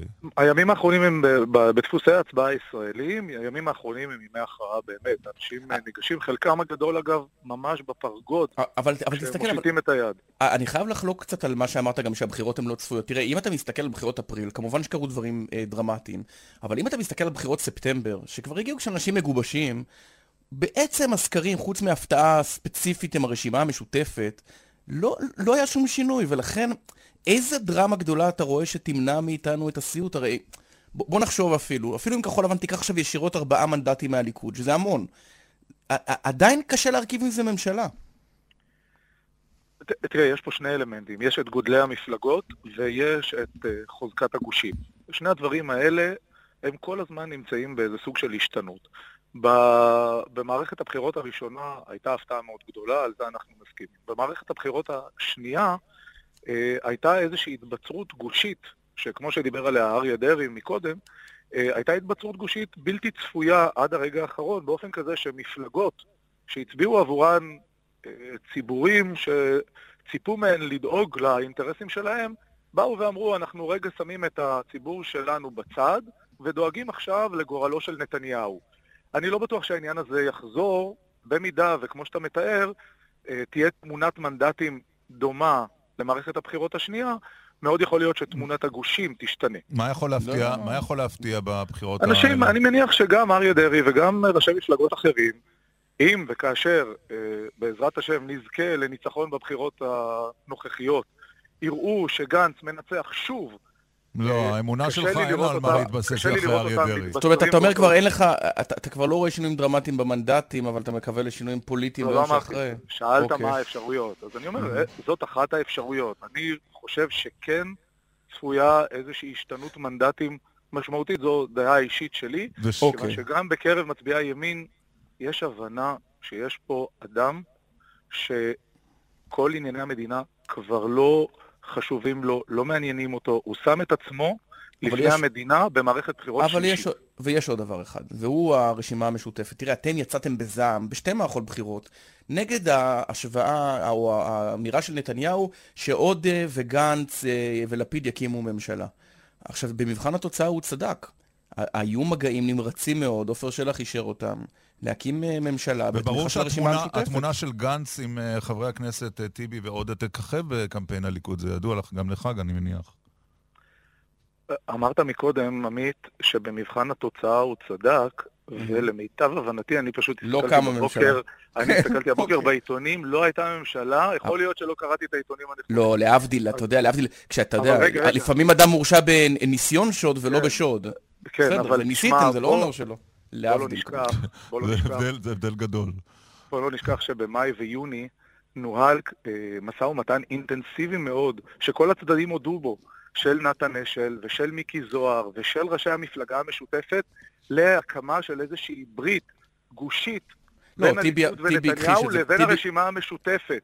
כן. שני הצדדים הודו בזה. לא, טיבי אמר שזה לא דומה, אבל אני שואל אני שואל שאלה יותר פשוטה. מה זה לא דומה? מיקי לא, זוהר פשוט לא עזוב את- דומה לאנשי כחול לבן. קודם כל הוא לא דומה, אנחנו צריכים לסיים. בקלות נכון. אפשר. ב- במשפט אבל, במידה, גם אחרי הבחירות הקרובות, אם כך תנהלו משא ומתן עם הרשימה המשותפת כדי אה, לת- לתמיכה בממשלה בראשות גנץ?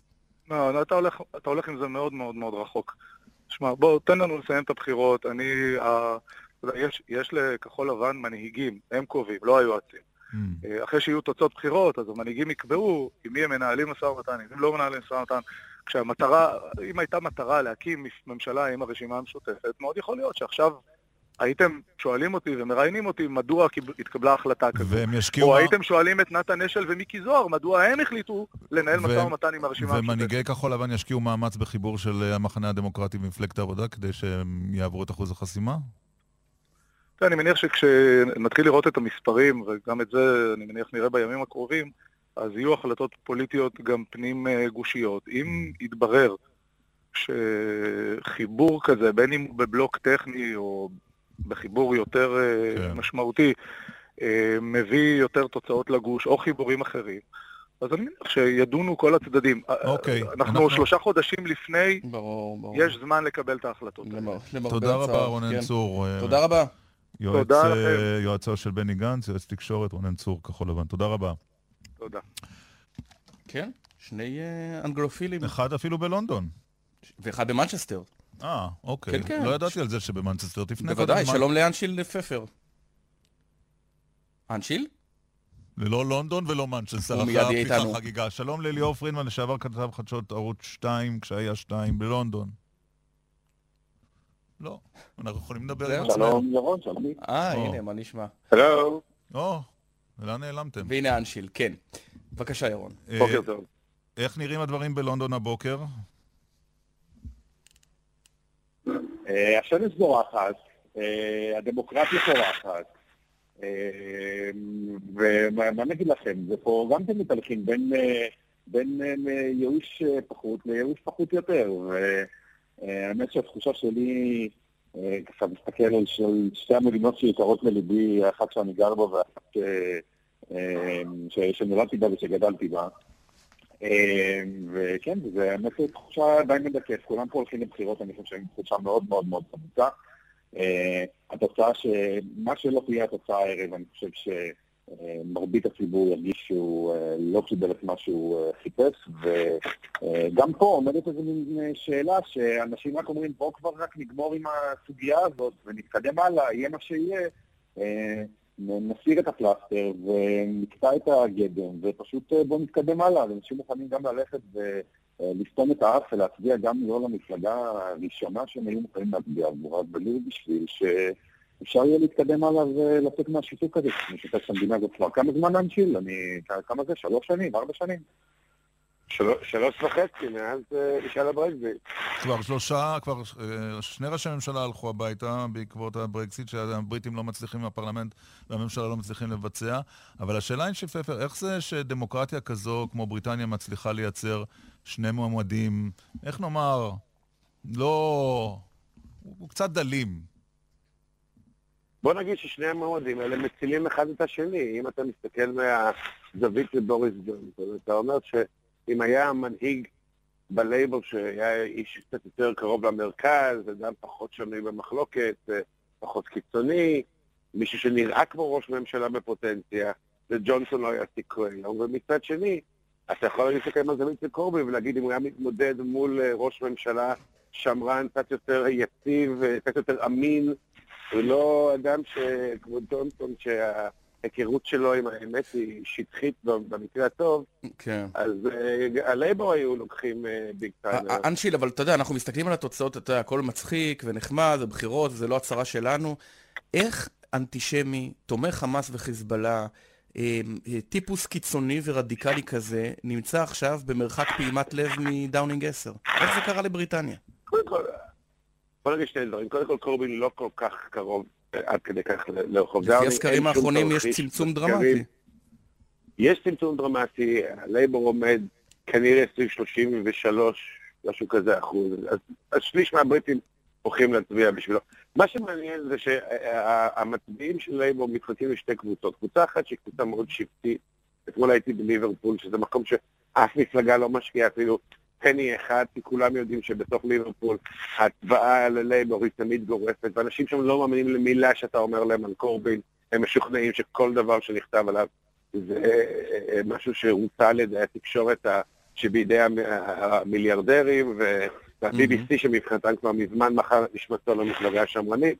וזאת ההצבעה השבטית, ואנשים שגם גם אם יעמוד, גם אם יעמידו אה, אה, קוף בראש לייבור, הם יצביעו לייבור בצורה אה. אנחנו מכירים, אנחנו יודעים מה זה הצבעה השבטית גם במקומות קרובים יותר אלינו. כן. ויש קבוצה שנייה שזה אנשים צעירים, וכשאתה מספר להם, כשהם שומעים על דברים על קורבין, כמו זה ש... כמו השמות באנטישמיות שעמית העלה, כמו זה שבעבר הוא צמח במחתרת העירית הרפובליקאית. אוי. ליאור איתנו? כן. אני, אני, תראו, אני כבר לא, אני לא בתקופה שבה אני עוקב עם האצבע על הסקרים כמו, כמו בעבר כשעברתי כאן, אבל אני כן יכול להגיד לכם שאני, ככה, המדגם הלא מייצג שאני מסתובב סביבו, לא ראיתי תחושת מיוס כזאת מעמידה פוליטית אף פעם, זאת אומרת, זה לא דומה לשום דבר. אף אחד לא מבסוט פה משני הצדדים, הייתי השבוע ב... אתם יודעים, זה העונה של כל ה Christmas parties והארוחות של העבודה לקראת סוף שנה, אז כל הפאבים מתמלאים גם באורות וגם בכאלה Christmas popper, שכולם עושים כאלה מין זיקוקים קטנים כאלה בתוך הפאבים. אז ישבנו כזה עם חברים מהעבודה, זה לא מדגם מייצג, אבל בוא נגיד אנשים שלא הצביעו שמרנים אף פעם, והם מתנגדי ברקזיט בכל מאודם, וחלקם היום אומרים, כן, אני מוכן אפילו להצביע לשמרנים באזור שלי, כי כבר נמאס לי מהקשקוש הזה של הברקזיט, ובואו באמת ניפטר כבר מהדבר הזה. כן. ונמשיך הלאה, אבל התחושה היא לא תחושה של איזה מין אה, תקווה או שום דבר כזה, אלא ברור. באמת של אה, מיעוט גדול, של רצון אה, להמשיך הלאה. וכולנו המשכנו לשתות את הרבה, והיה עוד סיבוב ועוד סיבוב, וכנראה גם כולנו מחר בבוקר מתעוררים הנגוב. נמשיך לעקוב. ליאור פרידמן, לשעבר כתב חדשות ערוץ 2 בלונדון, היום בלונדון, והן של פפר הארץ במנצ'סטר. תודה רבה לשניכם, ויום מוצלח לכם של בחירות שם. להתראות. להתראות. כן. עכשיו, לפני שנגיע לאדם מן העולם, הסדרה בנטפליקס על איוון היום. איוון מן העולם. כן. איזה כן. סדרה, וואו. כן. האמת אה, ש... אירוע, כן. שהתרחש לפני שלושה עשורים וקצת נשכח. כן. אה, אני חושב ש... לא רק שזה נדח- נשכח, מה שמטלטל בסדרה על- איוונה היום, זה כמה סערה והתרגשה הארץ אז, ואיזו הדחקה מוחלטת, אין מילה אחרת, הדחקה מוחלטת של המשפט. הזה, שנועד להיות משפט בוא אייכמן נשאל ונגמר את מי. ששפטה, ישבה בדין, שלום לשופטת, אה, שופטת בית המשפט העליון בדימוס, אה, דליה דורנר. שלום. צפית בסדרה? אה, כן, אבל ככה, לא, ב, לא בריכוז. ממה שאני ראיתי, נראה שאת נושאת בליבך צלקת מהעובדה שבית המשפט העליון הפך, בראשותו של הנשיא דאז מאיר שמגר, הפך את החלטתכם להרשיע את דמייניוק. לא, בכלל לא.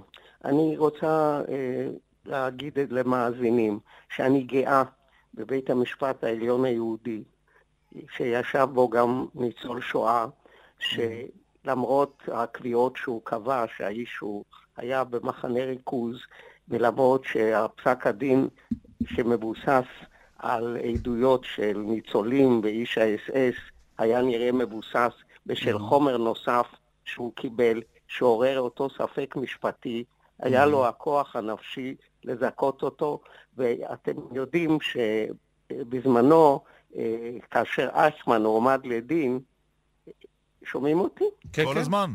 לא, אני שומעת צפצופים. אייכמן הועמד לדין, אז העורך דין שלו, סרבציו, טען שבית משפט יהודי לא יכול לא לשפוט מוסמך, אותו. כן. נכון. וזה, ודחו את זה, אבל הפעם זה הוכח. כי באמת אני גם יודעת, אה, וזה גם נראה בכתב, שהדבר הזה גם שרף את ליבם, ועשו את זה בסדר אבל- גמור. אבל- למרות אבל- שלא ידענו, אתה כן. מבין, ש- לפי החוק, כדי לאפשר להעמיד אה, כן. לדין אה, נאצים, החוק מאפשר דבר שבדרך כלל אי אפשר. אבל זה לא לשים הייתה- על לא- השולחן, סליחה, לשים על השולחן ניירות שאתה לא יודע את טיבם. והניירות האלה הגיעו, ואני נו, רוצה אבל לומר דליה דורנר, לך זאת השאלה. עזבי שנייה את הדיון ההיסטורי הענק, אם זה היה אה, שגם איוון אני היום או לא. הייתי מגיעה לאותה מסקנה. יפה? זאת השאלה שלי. נניח שלא היה ערעור, או את יודעת מה, שהמסמכים היו מגיעים אחרי הערעור והוא היה נתלה, ואז היה יוצא המסמך, והיו מגישים לך אותו, היית לא. אומרת לעצמך, אוי ואבוי, תלינו אותו סתם? לא, אה, אה, בכלל לא. אני, קודם כל, משפט, יש לו תמיד סופיות. אתה יכול לומר את זה על בטח כל אם- משפט. אבל בטח אם מוצאים להורג. יש עונש מוות. כן. אני, האמת היא שאני באופן נפשי מתנגדת לעונש מוות, ואנחנו התחבטנו, ראינו בזה מין אקט סמלי. אבל נחזור אה, אליי באופן אישי, כדליה דורנר. כן, כן. אמרתי לך את המצב המשפטי, שאני ליבי לגמרי שקט. באופן אישי, אין לי ספק שהאיש הוא... הוא כן? הוא, אה, עדיין. הוא, אה, ד- דמיון. אני אגיד לך גם למה. למרות כל העדויות מרוסיה... אין כל העדויות. הכל הסתובב למ- סביב אדם שנתלה על ידי הסובייטים כאיוון היום. בסדר? אלא מה? הייתה גם תמונה שלו. והניצולים שחלמו, וגם אותו איש אס אס שזיהה את דמיאניוק, לא יכול היה לבלבל בינו לבין דמיאניוק. ול... היו אולי הרבה איוונים איומים במקום כן. הזה.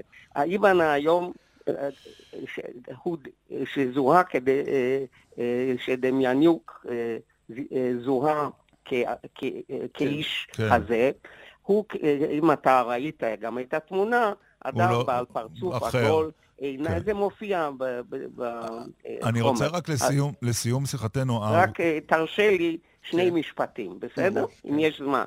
אה, א', יש לו, יש לו עיניים כחולות ושיער כזה מימיות ושיער קצוץ, והאיש שנתלה כאיוון היום, יש לו פרצוף ארוך, שיער, בלורית שיער שחורה, אי אפשר לבלבל ביניהם. אני ראיתי את הניצולים ואת איש אחד, הם זיהו אותו. משפט אחד לסיום, דליה דורנר, על התחושה שבסופו של דבר בית משפט ישראלי זיכה אותו ובית משפט גרמני הרשיע אותו, אמנם לא כיוון היום, אבל הרשיע אותו בפשעים. החומר, כי בעניין אחר, בחומר אחר, אני חושבת שהמערכת פעלה כפי שהיא צריכה לפעול, Mm. אה, וככה הוא, הגם שאני אישית מאמינה שהוא האיש, אני כן. מקבלת עליי את פסיקת בית המשפט העליון, ואף גאה בו. ואיש לא אמר אז שבית המשפט. אה, הוא לא קביל, ואיש לא יצא נגד בית המשפט, למרות שהיו ניצולי שואה רבים שהתאכזבו ממנו. השופטת בדימוס נו, דליה דורנר. בעיקר, ת, תאר לך שהאדם היה בטרבלינקה, כן.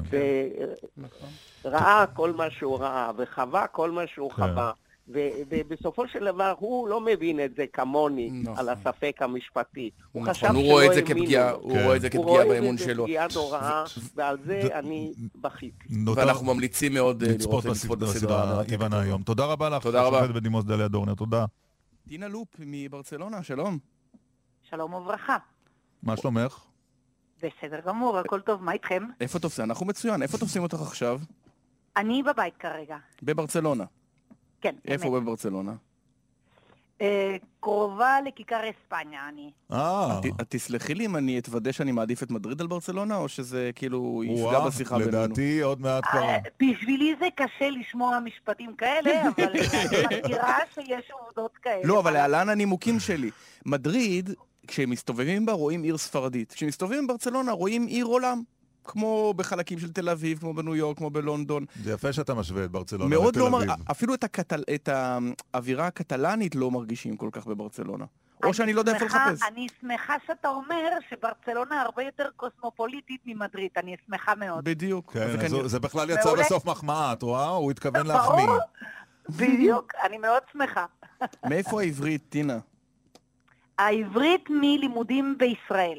מתי? אני למדתי, בזמנו, אני למדתי, סיימתי תואר ראשון בברצלונה בהיסטוריה וארכיאולוגיה, והייתי אמורה ללמד היסטוריה בתיכון. ראיתי מה, מה הולך להיות, הבנתי, ולא שמחתי כל כך, ואז המשכתי לדוקטורט, ופה נרשמתי כאן להיסטוריה עתיקה של ישראל, אוקיי? וכמובן הייתי אמורה גם ללמוד עברית, רק שפה, היו, היה פעם לימדו עברית בספרדית באוניברסיטה. אהה. היום אפילו לא מלמדים, אה, מלמדים, אבל אה, החוג מתקטן כל שנה. בקיצור, החלטתי שאני רוצה ללמוד אה, עברית בישראל, ביקשתי מלגה ממשרד החוץ הישראלי, התקבלתי ונסעתי לירושלים? לשנתיים. אני זוכר, אם אני לא טועה, החייאת הקטלנית הייתה פרויקט שלפני שהוא קרה הם הלכו להתייעץ עם הישראלים, כי המשותף זה שתי שפות עתיקות שהרבה זמן לא דיברו בהם, נכון? אני גם שמעתי כזה דבר, אני לא יודעת אם זה נכון, אבל בהחלט הסיפור הזה מוכר. אבל את- גם בתור את- רגע, אגדה- גם בתור אגדה אגדה- אורבנית לא, לא, הוא. טוב. אני זוכר שקראתי אותו בספרד איפשהו. אה, אה, כשאת, אה, בספרדית קראת כשאת אותו. בלילה, את חולמת בספרדית או בקטלנית? בקטלן בהחלט, ואני לא חשבתי ככה. פעם קרה לי, אפרופו אוקיי. השאלה, קרה לי סיפור מאוד מעניין. אה, חבר שלי, כשאני גרתי בארץ, צלצל אליי בשעות כאלה, שעות קטנות, ממש שתיים לפנות בוקר, כשאני כבר ישנתי, אוקיי. ולהפתעתי עניתי לו בקטלן.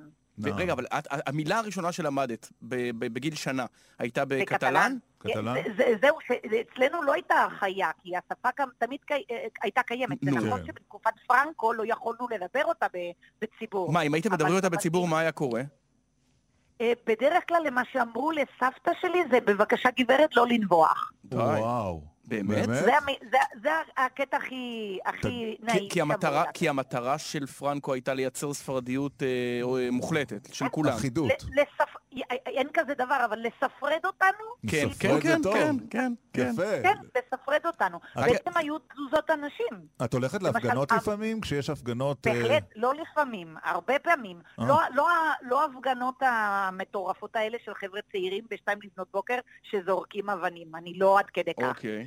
אבל בהחלט אני חושבת שהרבה בעיות עכשוויות בספרד, ספרד קטלוניה, כן. לא היו קורות אם הממשלה המתאימה ב-2010 הייתה מסכימה להסכם ממון שאז בזמנו ביקשנו. מה זה, אוטונומיה, אוטונומיה ו... אוטונומיה יש לנו. לא, אוטונומיה, הגב- שפה. הגברת ה-devolution, איך קוראים לזה? הגברת ההפרדה בין אה, בין ספרד לב- לבין אה, קטלוניה. לא, ב-2010 מה שביקשנו זה היה הסכם ממון מיוחד, תיקון בהסכם ממון. אה, רק עניין ההכנסות, כי. אתם, אתם מייצרים את רוב ההכנסות ובעצם מסבסדים נכון. נכון. אגפים אחרים. עכשיו תגידי, טינה, כשאת רואה ספרדי ממדריד או מגרנדה, את מרגישה אליו כמו אח? את מרגישה אליו כמו זר מוחלט? אולי משהו באמצע אה, זה בן דוד? אני, לא, אני בהחלט כן, תלוי במה הבן אדם השני שאיתו אני מדברת מצביע. זאת אומרת, אם הוא שמאלני, יש בהחלט הרבה על מה לדבר. ואם אם לא? הוא ימני, אין לי, סבלנות. לשטויות אין לי. סבלנות. את יודעת שבארץ רוב הספרדים... זה נשמע לנו מוכר. תראי, בארץ רוב הספרדים כן. ימניים, אז תהיה לך בעיה. בארץ, כל ה... כן, אני מבינה, כן, כן, כן. נכון, נכון. כל... הסביבה שלי, כשאני הייתי בארץ, ועוד שמרתי כמובן על חברים, הסביבה שלי הישראלית היא, היא שמאלנית כמוני. אז אני לא, אני לא מרגישה... את יודעת אבל שישראל זזה ימינה בעשור, שני העשורים האחרונים. את עוקבת אחרי מה כן. שקורה כאן. כן, כן, בטח, בהחלט. היית- היום היית כאן במיעוט אם היית גרה אה, כאן. אולי עוד מעט ברוב, אני- אי אפשר לדעת. אי אפשר כן. לדעת. טוב, האמת ששלחו אותי לארץ ללמוד בירושלים, כי אני קיבלתי מ- מלגה, מלגה כן. ממשרד, כן, ממשרד החוץ הישראלי. Mm. וכמובן, אני מבינה שהעניין הפוליטי שלכם זה להוכיח שעיר הבירה של ישראל היא בירושלים. נכון. אני היום, אם הייתי זוכה בלוטו, סביר מאוד להניח שהייתי קונה דירה בתל אביב, או הייתי מנסה לקנות דירה Hmm. במרכז, ולא זה בירושלים. לא היה מספיק לך. גם יקר פה, שלא, כן, יקר. כן, אני יודעת, אני יודעת, יקר אש בהשוואה אצלנו. זה- יקר אש זה זה- טוב. אין ספק. כן, אבל אה, כשאני למדתי בארץ, זה היה בין 93-97, זה היו היו שנים דווקא מאוד מאוד קשות. אה, ירושלים לא הייתה כל כך דתייה כמו שהיא נכון, היום. היא- אני, אני נוסעת לעיתים קרובות, אני משתדלת לנסוע פעם אחת כל שנתיים לישראל וחזרה, ואני מרגישה בהחלט איך ירושלים. הופכת להיות יותר... איך את שומרת על העברית שלך, טינה? קודם כל, אני מתורגמנית מוסמכת כאן בברצלונה. זה העבודה שלך. ועכשיו יש... כן, זה העבודה שלי. מתורגמנית ומדריכת טיולים. מדריכת טיולים רשמית עם תעודה לשם שינוי. של ישראלים או של אה, ישראל. מי שבא, ברוך הבא? מי שבא ברוך הבא, אבל בעיקר אני אוהבת לעבוד עם ישראלים. רק שישראלים משום מה מעדיפים לטייל עם כל מיני מקום... ישראלים שנמצאים פה מלפני אה, איקס כן, שנה, כן. לפעמים זה מעט מאוד, לפעמים זה הרבה. אהה. אבל אה, עם ישראלים סך הכל, אוקיי. ולאחרונה לא כל כך מגיעים אליי. אבל אני כן, אני שומרת על עכשיו, השפה כשספ... בעבודה. כשספרדי נוסע לחו"ל, הוא כמו הסינים ואולי גם הישראלים מחפש אוכל ספרדי, או שהוא פתוח ל... להתנסויות? קודם כל, אה, כשאתה מדבר על ספרדים נוסעים לחו"ל, שים לב למי אתה מדבר. אוקיי. זה לא כל ספרדי. רק בסקים, קטלונים וחבר'ה ממדריד נוסעים. באמת? אה, כל השאר לא? אה, מעט מאוד. יש עכשיו גם כמובן אנדלוזים שנוסעים, וידוע לי, אבל זה תלוי במשפחות. כן. החבר'ה הצפונים הם קצת שונים מהחבר'ה הדרומים, כמו שקורה גם באיטליה, כמו שאני מניחה כן, שגם קורה בישראל. כן, בישראל כולם נוסעים לחו"ל. אה, רק לא כולם. אבל- את יודעת מה מדהים אותי? אני זוכר שהייתי בגמר המונדיאל ב-2010, שספרד זכתה, ול- כן. והכותרת הראשית של המונדיאל העיתון בברצלונה... ב-2010 היה בדרום אפריקה. כן, אבל ספרד זכתה. כן, כן, כן, ו- בהחלט, נגד הולנד. ובברצלונה, הכותרת הראשית ביום של הגמר הייתה בכלל על איזה הפגנה. הם לא חגגו באמת, למרות שחצי מהשחקנים היו מברסה. היי, אני לא... האמת שאני לא זוכרת. אני זוכרת שאני אישית מאוד שמחתי, ואני יצאתי לרחובות לחגוג בברצלונה. נהדר. אני, אני זוכרת את זה. ואת מג- כן, כן, בעד, בעד. הייתי מאוד שמחה שספרד. אה, ניצחה. אמרתי לכם, אבא כן. שלי הוא ספרדי, אמא שלי קטלנית. אה. אה, בבית מדברים קטלן, אבא בחיים לא, לא למד את השפה, הוא, הוא מבין אותה כי הוא כבר הגיע לפה Mm. ואת בגיל מדברת 20. בשתי השפות באותה רמה? בשלוש. כן, כן, כן, לא, כן, חוץ כן, מהעברית. כן, כן, אני- באותה רמה? אני דו-לשונית, ואני כל הזמן חשבתי שאני יכולה לספור בשתי שפות, אני, אין לי שום בעיה. למרות שאמרתי לכם שפעם כשחבר התקשר אליי בשתיים לפנות בוקר, כן. בישראל, אני לא בקטלן. קטלנית. עכשיו, את כן, מגיעה מאוד לכאן, את מופתעת. אמרת אה, כל שנתיים. מה כן. הבעיה העיקרית שלנו, הישראלים, בעינייך? הלחץ. אתם לחץ? חיים בלחץ אטומי, ואני לא מדברת רק על הפוליטיקה. באופן, אולי הפוליטיקה השפיעה על החיים האישיים שלכם, אבל אמ, לפעמים, ואני לא רוצה להישמע בוטה או משהו, אני לא רוצה... את יכולה, זה חופשי, בסדר. את בין חברים. בדיוק. מרוב, מרוב שאתם בלחץ, את, אתם אפילו אה, נראים לנו לאירופאים לא מנומסים. לא רק אה, לכם, זה בסדר. אגב, אנחנו לא מנומסים, זה לא קשור ללחץ. לא, לא, אני חושבת שדווקא זה קשור ללחץ, כי אני גרתי ארבע שנים בישראל, והייתה לי חוויה מדהימה. אני, אני יכולה לדבר רק דברים טובים. אבל לפעמים, בגלל הלחץ הזה, אתם לא נותנים חשיבות לדברים שלפעמים בקצב אחר ובמילים אחרות היו נראים קצת אחרת. למשל, אה, לעמוד בתור כמו שצריך, למשל, או לפתוח, אני זוכרת שפעם אני פתחתי את הדלת לאימא שלי בשביל שהיא תיכנס לסניף בנק, אני עמדתי בחוץ עם הדלת הפתוחה בשביל לתת לה כבוד, ומיד אחריה נכנסו שני חיילים ששמו עליי. הבנתי. אוקיי, הייתי אוקיי. בהלם. לא, לא, הייתי בהלם. צאי מההלם, זה לא, זה לא אישי. בדיוק, זה לא- אה, אם כי, אם כי, את יודעת, מי שמסתכל היום על ישראל, בכל זאת, את צודקת, באמת, תל אביב, במידה מסוימת בירושלים, אה, רואה שיפור באזור הזה. נהיינו קצת אזרחי. בהחלט, בהחלט, תל אביב זה, זה, זה, זה מקום כיף, מדהים, החשיבות לאוכל, למסעדות, ה- ה- ה- החשק לחיות, לנצל את הזמן, החיוביות הזאת, זה אפשר, משהו, אי אפשר משהו, כשאת. מדברת על האוכל, לא- לא לשאול אותך מה את הכי אוהבת. אה, מבחינת האוכל? כן. אני אוכלת כל מה שזז, אני לא צריכה לאכול כשר, אני לא... לא, אלה בארץ, כשאת באה. לארץ אני שאלתי, מה את אוהבת? לא חסר. אה, האמת שזה משהו, עוד משהו שמאוד מפתיע, זה שאני מגיעה לישראל בעתים לא כל כך קרובות, אני משתדלת שזה יהיה, אבל לא. הקטע של, אתם משתעממים מהמסעדות. אז, אה, אכ- אכלתי במסעדה מצוינת, אני עוד שנתיים רוצה לחזור אליה, היא כבר לא קיימת. בטח, נו, בטח. מה הסיפור שלכם? אה, אין מסעדות 40 שנה, אותה מסעדה? ככה זה כשאנחנו בני 71, תראי, אנחנו מדינת מחליפים ישראל, מהר. העם היהודי זה, את יכולה לראות או את הכותל, שזה אלפיים שנה, או משהו שמחזיק ארבעה חודשים, אין באמצע. אני מבינה, כן, כן. הנה, זה גם תוצאה מהלחץ. נכון, אתה האמת? שזה נכון. חוסר צריך סבלנות. ל- להחליף, צריך להחליף, כי אחרת הקהל משתעמם וכבר לא חוזר. אין. אז אצלנו זה לא ככה. את צודקת. אצלנו, גם, גם בברצלונה וגם במדריד, בכלל במקומות, הר- בהרבה מקומות בספרד, יש מקומות שקיימים מלפני 15 שנה, 20 שנה, ולא קורה כלום. יש לו קהל קבוע, נאמן. יש לנו מה ללמוד. יש, יש. אני לא אומרת לא, זה בסדר, זה בסדר. חס וחלילה. טינה לופ. אבל כן, זה מעניין. טינה לופ, היה לעונג לדבר איתך, ונשמח לדבר איתך בהזדמנויות קרובות. כן, אם יהיה דברים שמעניינים, אז אולי נתקשר אלייך. בטח נתקשר. בכיף, בכיף. בסדר? אין לך בעיה. אני אענה לכם תמיד. אין לי שום בעיה, דווקא להפך. תודה לכם. תודה, טינה. להתראות, טינה. להתראות כל טוב.